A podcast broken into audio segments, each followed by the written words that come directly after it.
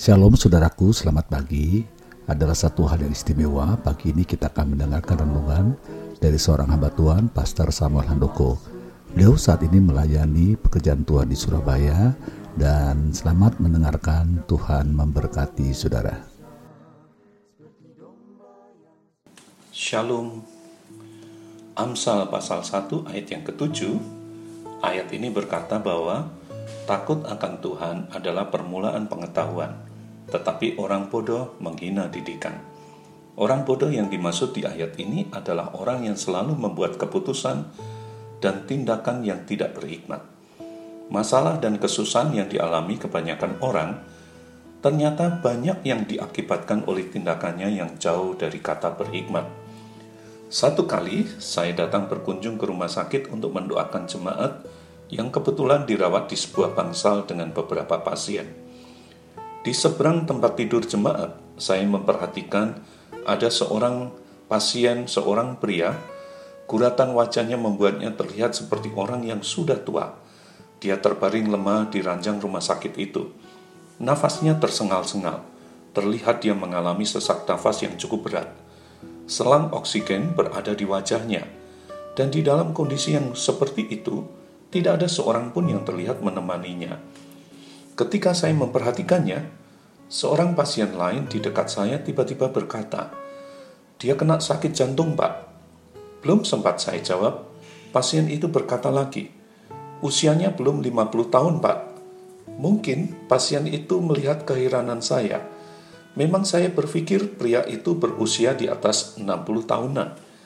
Kemudian pasien itu seolah tahu keheranan saya dan apa yang saya pikirkan, kembali dia berkata, saya tetangganya pak, jadi saya mengenalnya.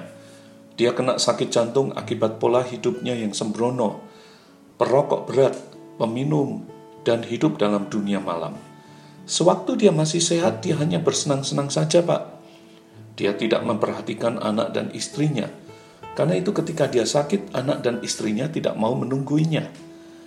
Ada banyak cerita yang bisa saya ceritakan tentang fakta ini. Bahwa masalah dan kesusahan terjadi akibat ketidakbijaksanaan dalam menjalani kehidupan ini. Hikmat adalah kebijaksanaan. Orang yang bijaksana adalah orang yang arif karena selalu menggunakan akal budinya atau pengetahuannya untuk bersikap dan membuat keputusan dalam hidup ini. Orang yang bijaksana tidak akan pernah berpikir pendek dan hanya memikirkan kehendak dan keuntungannya sendiri. Dia akan selalu mempertimbangkan keadilan dan kebaikan bagi semua orang. Di mana pun orang bijaksana berada, akan selalu mengakibatkan ucapan syukur dari orang-orang yang berada di sekitarnya. Kenapa? karena kebijakannya akan bersinar menerangi kegelapan. Bijaksana memang bukan satu bentuk kepandaian, tetapi kepandaian seseorang dapat turut membantu orang untuk menjadi bijaksana. Bahasa Alkitab untuk bijaksana itu adalah hikmat.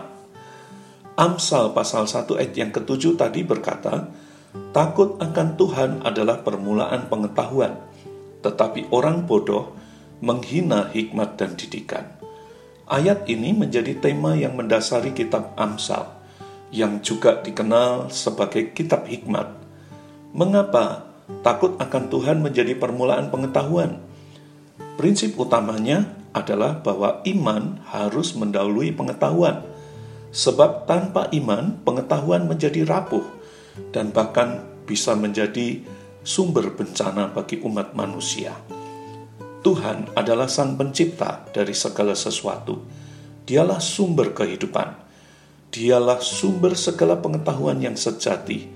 Karena itu, untuk memperoleh pengetahuan sejati yang akan menghasilkan hikmat, harus dimulai dari sumbernya, yaitu Tuhan sendiri.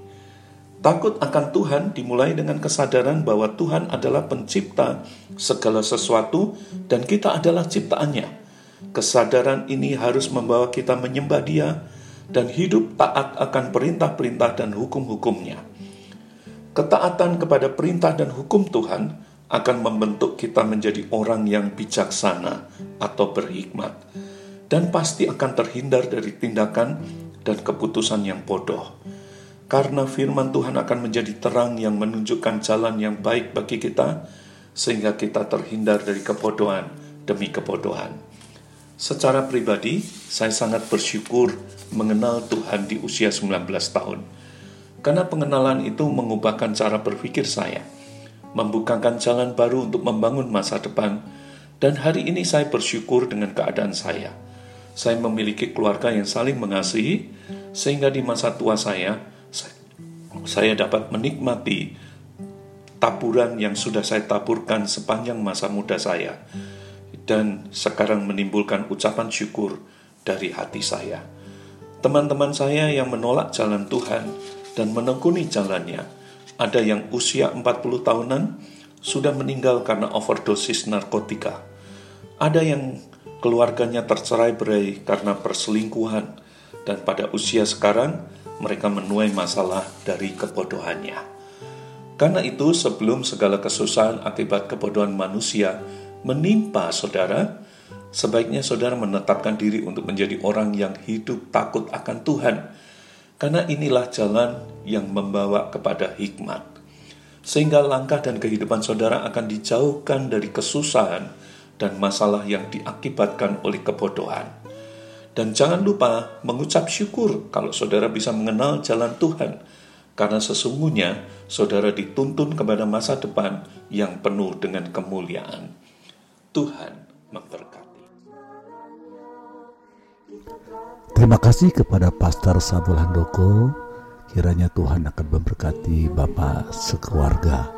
Saudaraku, demikianlah renungan dari Pastor Samuel Handoko dan doakan supaya beliau bisa mengirimkan renungan secara rutin untuk kita sekalian.